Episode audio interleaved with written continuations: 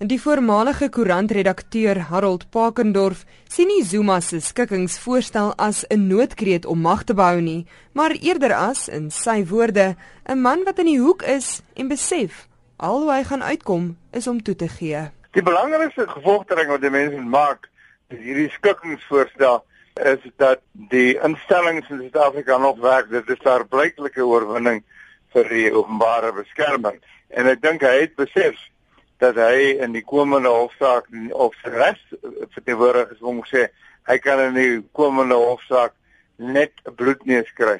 Skik dit liewer nou. En ek beskou dit as 'n oorwinning vir demokrasie in Suid-Afrika. Professor Erwin Schwella, verbonde aan die Universiteit Stellenbosch se skool vir publieke leierskap, verwys na Zuma se aankondiging as 'n gedwonge toegewing waarmee die president self dalk nie gemaklik is nie. Dit is 'n polities besonder sensitiewe saak ook ten opsigte van president Zuma se posisie binne die ANC. Die verleentheidsfaktor is aan die groei en omdat die verleentheid groei en spesifiek die spitsgeleentheid van die hofsaak wat volgende week op die agenda is daar moet in elk geval 'n dokument gelewer word aan die hof en sy raadgewers het hom gesê moet nou nie aangaan nie jy het 'n goeie kans om hierdie saak te verloor. Dis reeds 'n groot politieke verleentheid. Dit is eintlik 'n vorm van kom ons sê dan nou maar gedwonge toegewing waarmee hy self nie gemaklik is nie. Shwela sê ook die verdeeldheid binne die ANC se nasionale uitvoerende komitee is aan die toeneem. En toenemend dink ek word hy tog 'n politieke risiko en is daar politieke kostes verbonde uh, vir die ANC aan sy teenwoordigheid en sy optrede.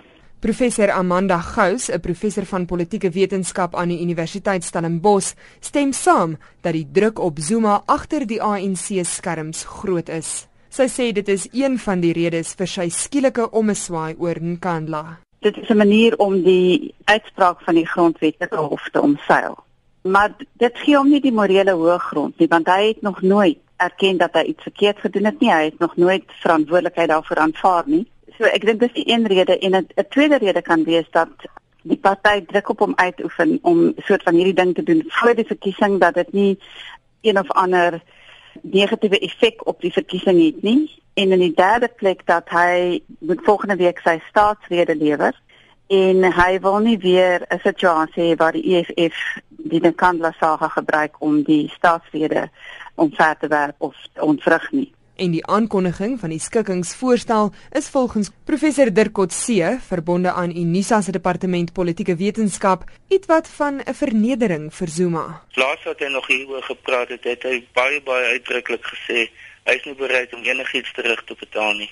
Kotse voeg by dat hy nie dink die aankondiging is vir die onthaalwe van nasiebou en nasionale eenheid so Zuma beweer nie. Hy dink dit is eerder vir Zuma se eie politieke oorlewing. Ek is Henry Wondergem vir SABC nuus.